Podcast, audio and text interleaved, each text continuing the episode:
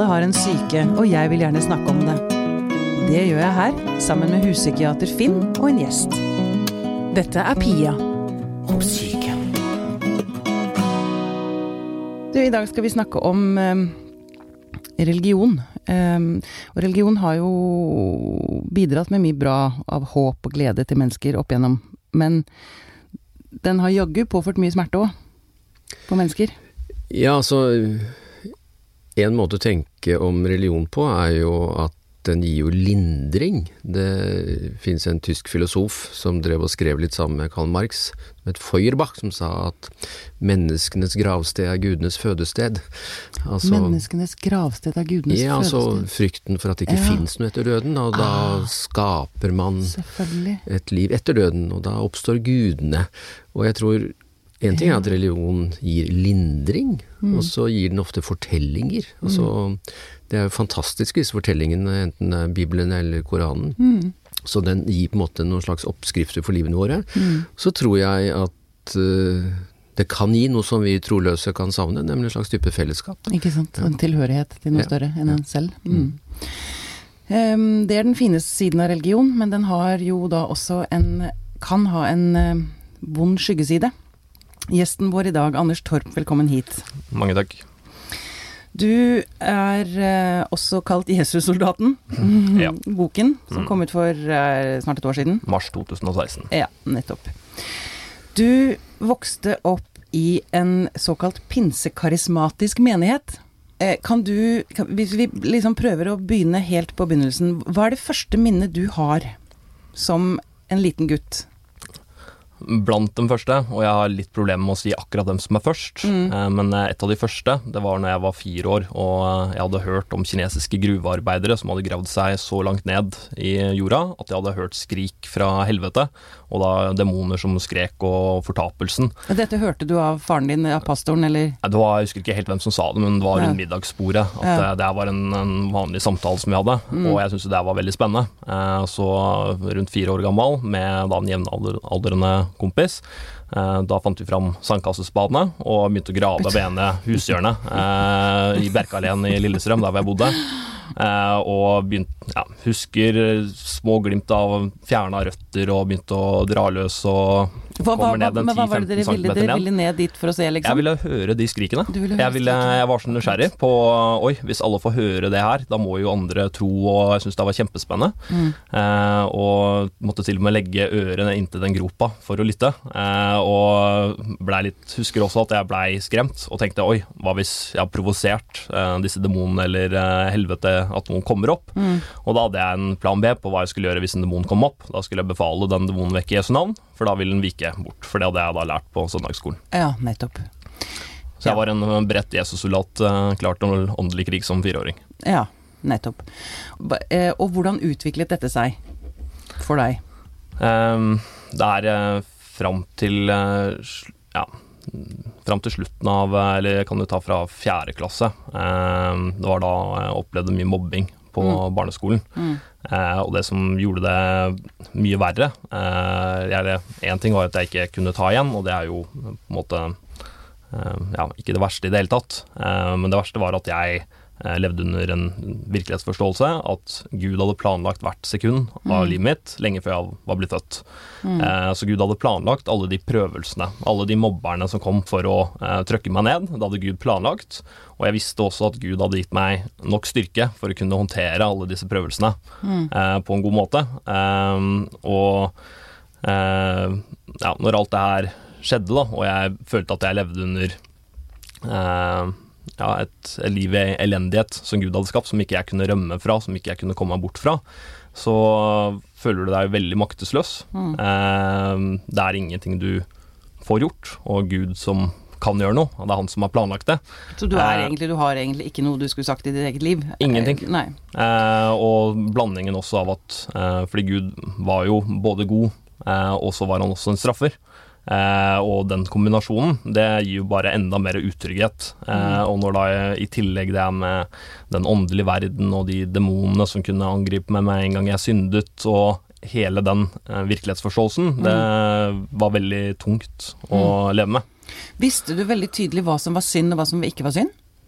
Det var, eller, eller, det, var det store spørsmålet hele tiden. Ja, eh, og der var det jo forskjellige svar eh, hos forskjellige folk også. Jeg kunne jo f.eks.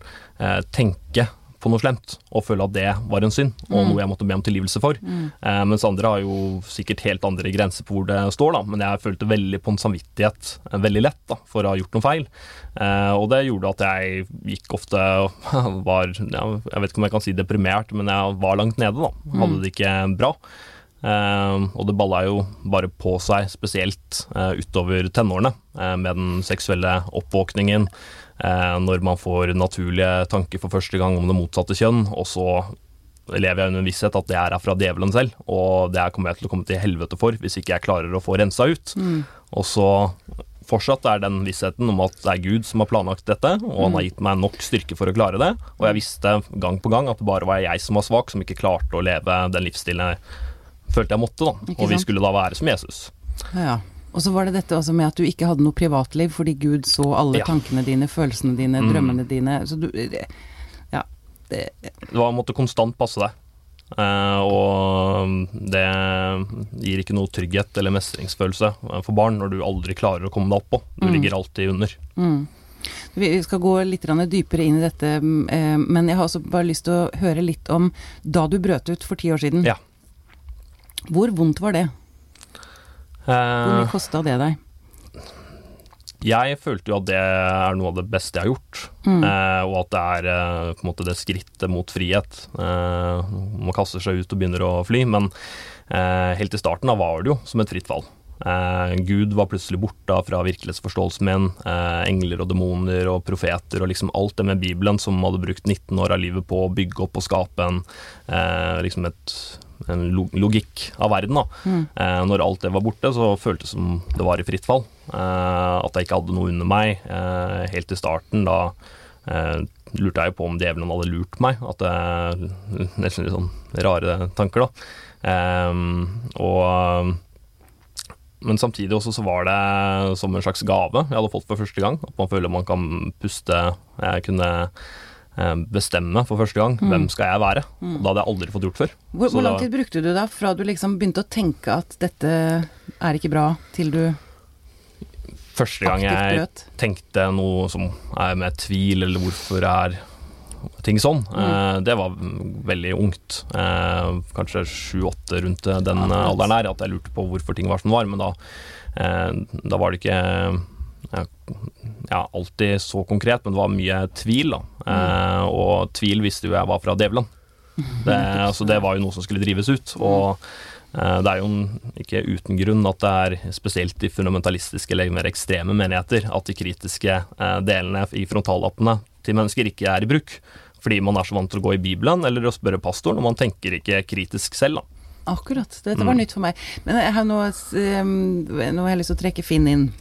Hva, hva, slags tanker gjør du deg når du hører Anders? Nei, Jeg gjør meg mange tanker. For det første så hadde jeg stor nytte av å lese boka, og den tror jeg er nyttig for mange. For mm. da kan man si, få hjelp til å se at det fins en måte å tro på som eh, kanskje en del arabiske kulturer, og kanskje sånn som eh, det var i Europa på middelalderen, hvor troen er, som Anders sier, da, den der liksom er overalt. Det fins ikke noe frirom for mennesket. Eh, den gjennomsyrer alt, og sånn sett så er på en måte mennesket bare noe som fins i Guds bilde. Men dette kolliderer jo med hvordan jeg, nordmenn vanligvis tror i dag. I For nå er vi mer sånn selvstendige mennesker, og så kan vi godt ha litt tro. Særlig rundt juletider. og så kan man ha litt tro som man kan ha nytte av i varierende grad, men det er klart at det er en tro som har begrenset evne til å redde deg, og til å virkelig å lindre at du mister dine nærmeste, eller at du blir alvorlig syk.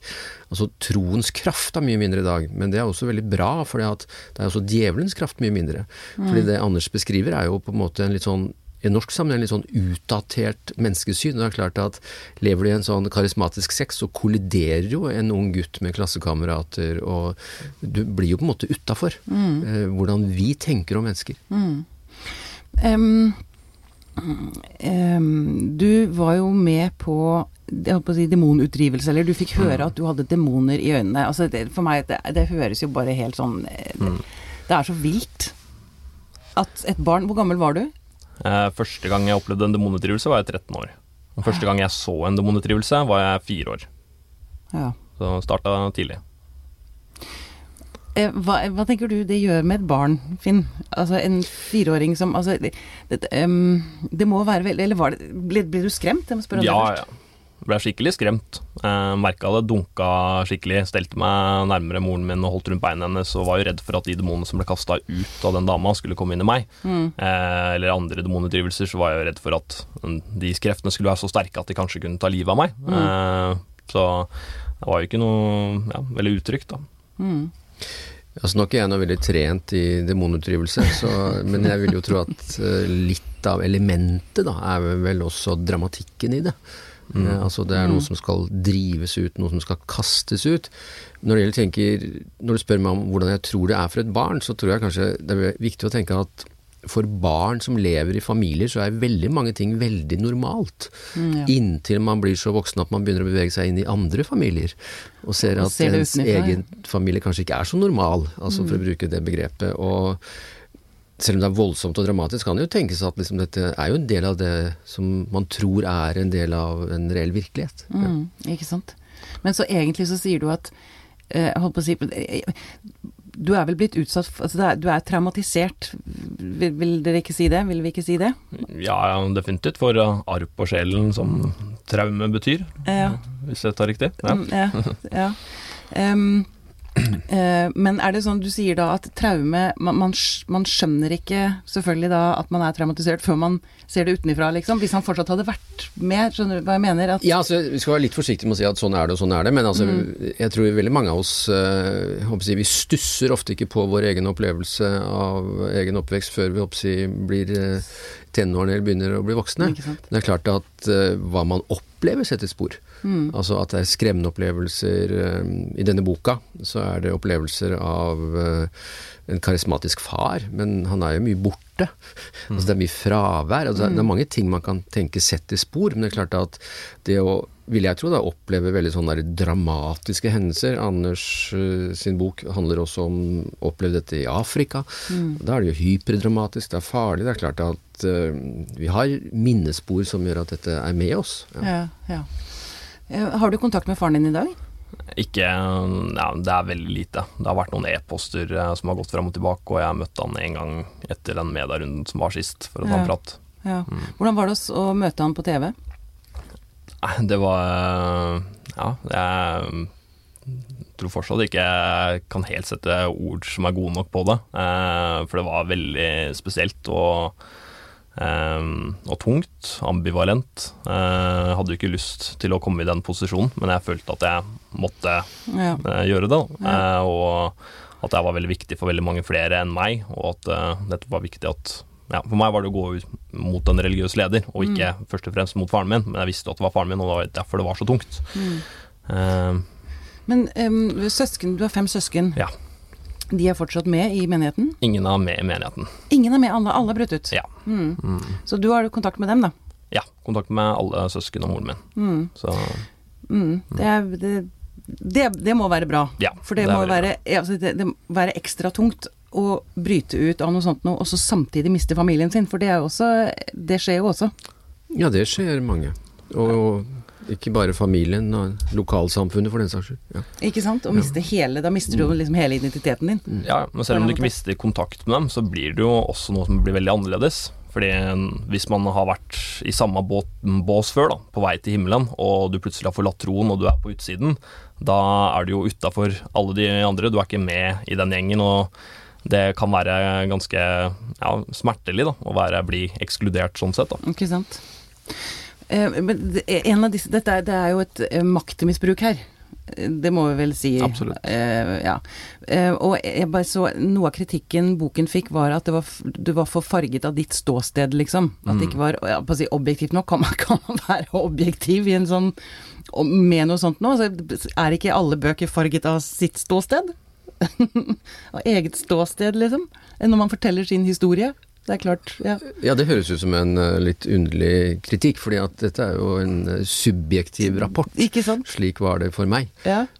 har du kontakt, Blir du kontaktet av andre som er i lignende situasjoner? Jeg har blitt kontakta av veldig mange. Ja. Eh, av folk som ja, overraska meg stort, av både kjente og ukjente, som har fortalt om erfaringer med religion som eh, ja, jeg har ikke blitt overraska over hva jeg har hørt, for det har jo kjent til at det er veldig mye som skjer, da. Ja. Eh, men eh, det er mange som har tatt kontakt og føler at det har begynt å åpne opp og ploge opp noe som ikke eh, har vært så lett å snakke om for alle før, da. Mm. Eh, det er det, det, jeg har hørt fra de, de jeg har snakket med, i hvert fall. Ja.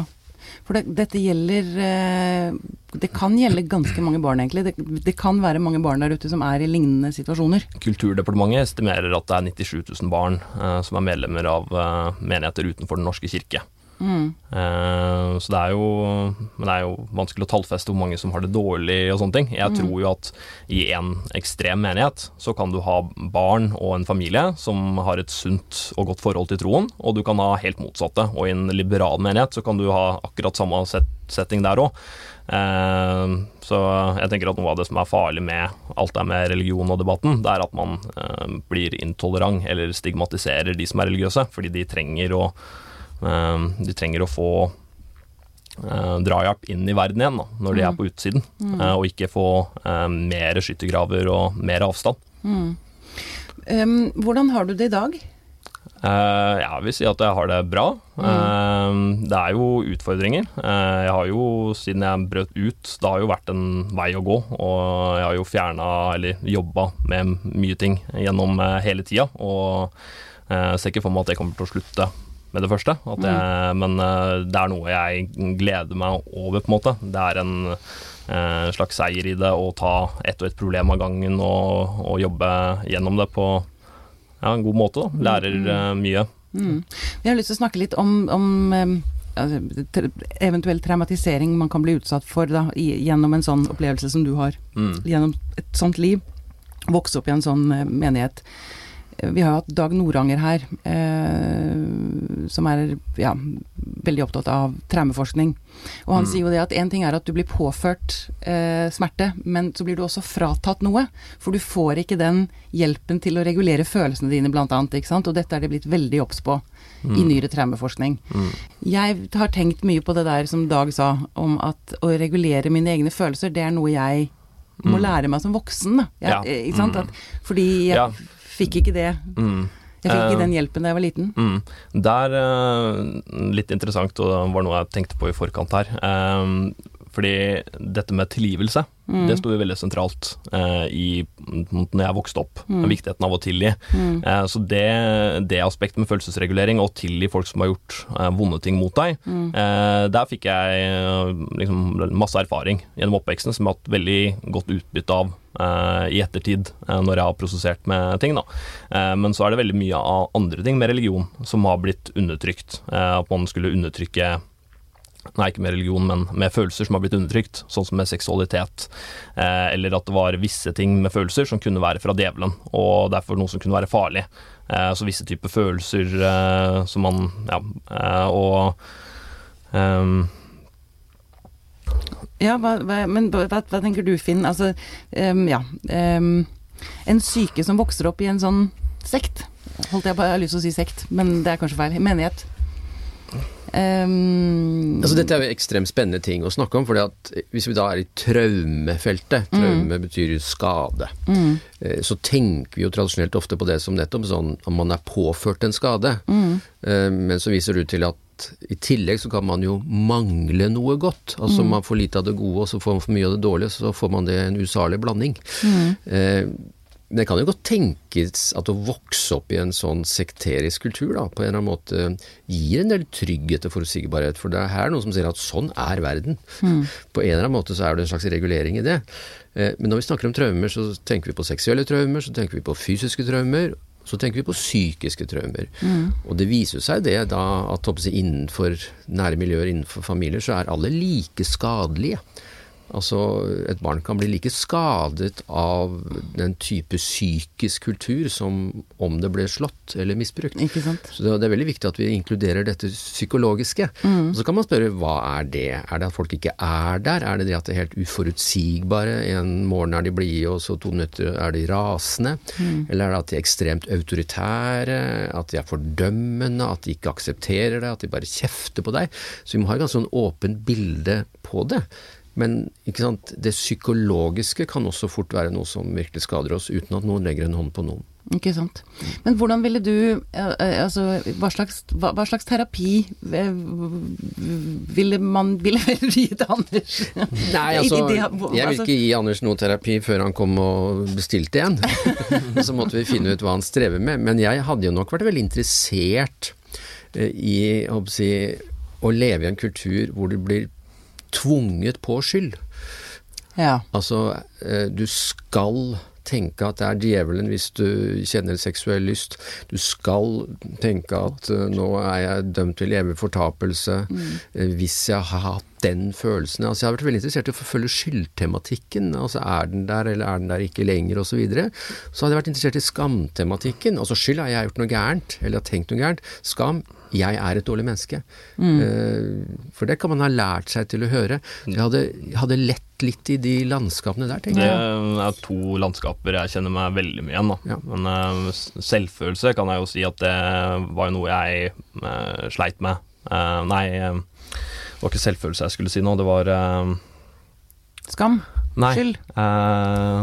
Selvtillit. Beklager, altså. Jeg pleier ikke å være så surrete. Nei, det går fint. jo, nei, skyld, nei, det var skyldfølelse. Mm. Eh, fordi etter jeg brøt ut av uh, miljøet, så var det flere ganger jeg kunne få skyldfølelse ut av ingenting. At jeg bare ja. følte meg dårlig uh, som verdens verste menneske uten at jeg hadde gjort noen ting. Det kunne være ansiktsuttrykket på en person som hadde endra seg, og så trodde jeg at det var noe, eller at det var en film jeg så på. Mm.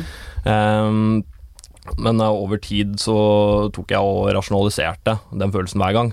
Skal, er det noe jeg skal føle med eller ikke? Uh, og over tid så fikk jeg den til å bli mindre og mindre eh, um, tilstedeværende i hverdagslivet. Så nå føler jeg ikke på den skyldfølelsen som jeg gjorde så ofte før. Mm. Men i forhold til skam så er det litt mer ting som jeg jobber med som ja, gradvis kommer meg mer ut av.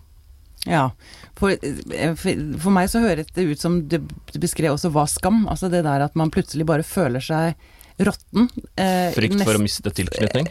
Ja, ja. Ja, så kan man jo helt klart tenke, uten at vi skal sitte her og forklare Anders, så er det klart at eh, et viktig bidrag til skam er jo mobbing. Ja, da er det ikke bare i sekta di og i hjemmet ditt, men da er det jo si, skolevennene dine som eh, sier at uh, du er uverdig, altså du er ja. dårlig. Mm. Og dette kan vi terpe på i evinneligheter. Altså, vi må aldri bagatellisere de mulige skamkonsekvensene av eh, mobbeerfaringer. Ikke sant. Mm. Og skam har jeg, det har jeg lært at eh, beste måten å møte skam på, det er å belyse den. Eller Det har jeg erfart, i hvert fall. Ja, altså ja, det er så det? enkelt brutalt at uh, skam handler vel om de følelser vi ikke vil at andre skal se. Ergo så snakker vi ikke om vår skam, ergo så skjuler vi vår skam, og isteden så smiler vi.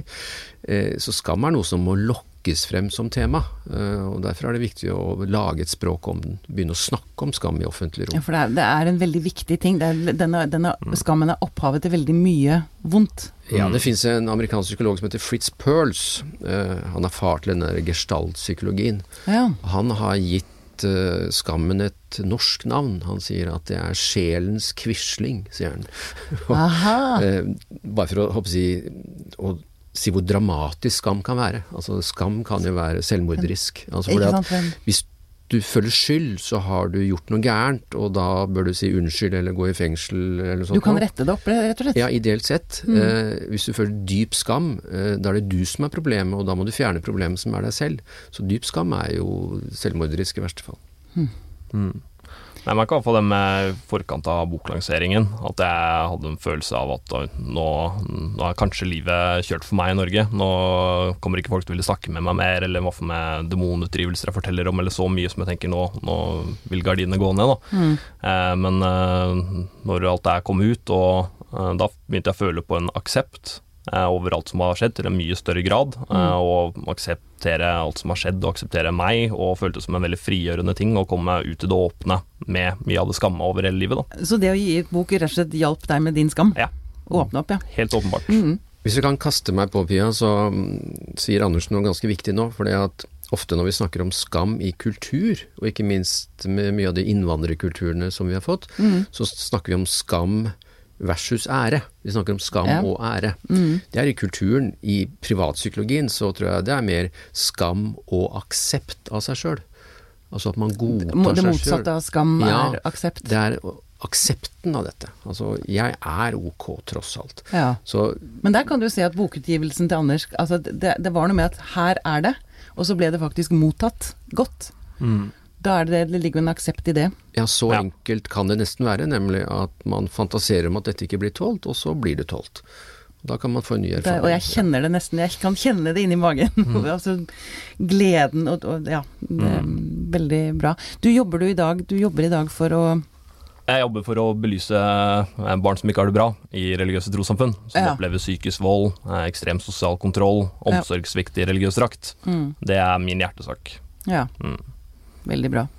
Du, hva, hva, har du lyst til å si, eller dere har lyst til å si avslutningsvis, hvis det er andre der ute som hører på, som sitter i en lignende situasjon som du gjorde, da, og har lyst til å bryte ut, men kanskje ikke tør, eller um, Nei, ta, ta sats og våg å hoppe. Det er veldig ukomfortabelt, men uh, det er det i starten. Men det går over, over tid. Mm. Hvis du jobber med det, snakk med mange folk du stoler på. Mm. Uh, oppsøk hjelp hvis du trenger det. Mm. Kan det være farlig, Finn? Det kan jo være farlig betydning f.eks. å bli reelt utstøtt. Altså å bli kasta ut av en familie og bli kasta ut av et fellesskap. Da jeg leste boka om Anders, så tenkte jeg plutselig på monolitten til Vigeland. Ja. Eh, det er jo masse folk der, og det er veldig trangt der.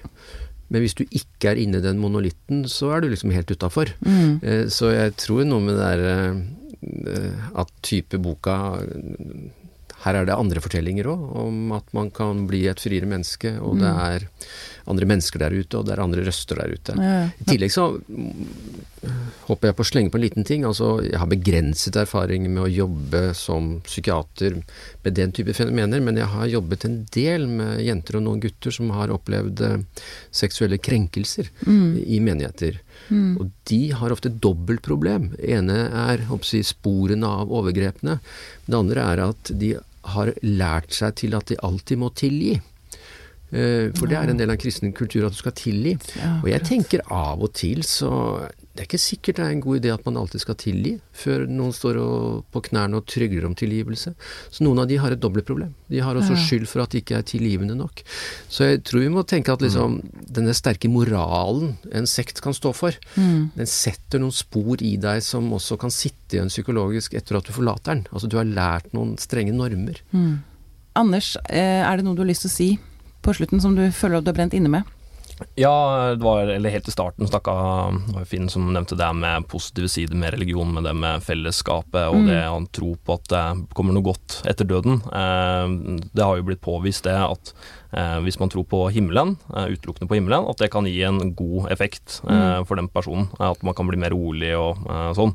men derimot troen på helvete kan ha en langt sterkere effekt på en person enn det troen på himmelen har. Eh, så det kan oppleves mye verre med en tro på helvete, eh, hvis du eh, tror at du kan havne der, da. Mm. Og nå er det jo sånn at med mange kristne, så er det jo mange som er i en full visshet at de er på vei til himmelen, og at ikke de kommer til himmelen og lever trygt med det. Men om man først er utrygg i troen og kan havne i helvete, da, sånn som jeg levde, da det, kan det være veldig ille. Og jeg ville bare få fram det, da. Ja, ja. Veldig bra. Anders Torp, tusen takk for at du kom til oss. Tusen takk.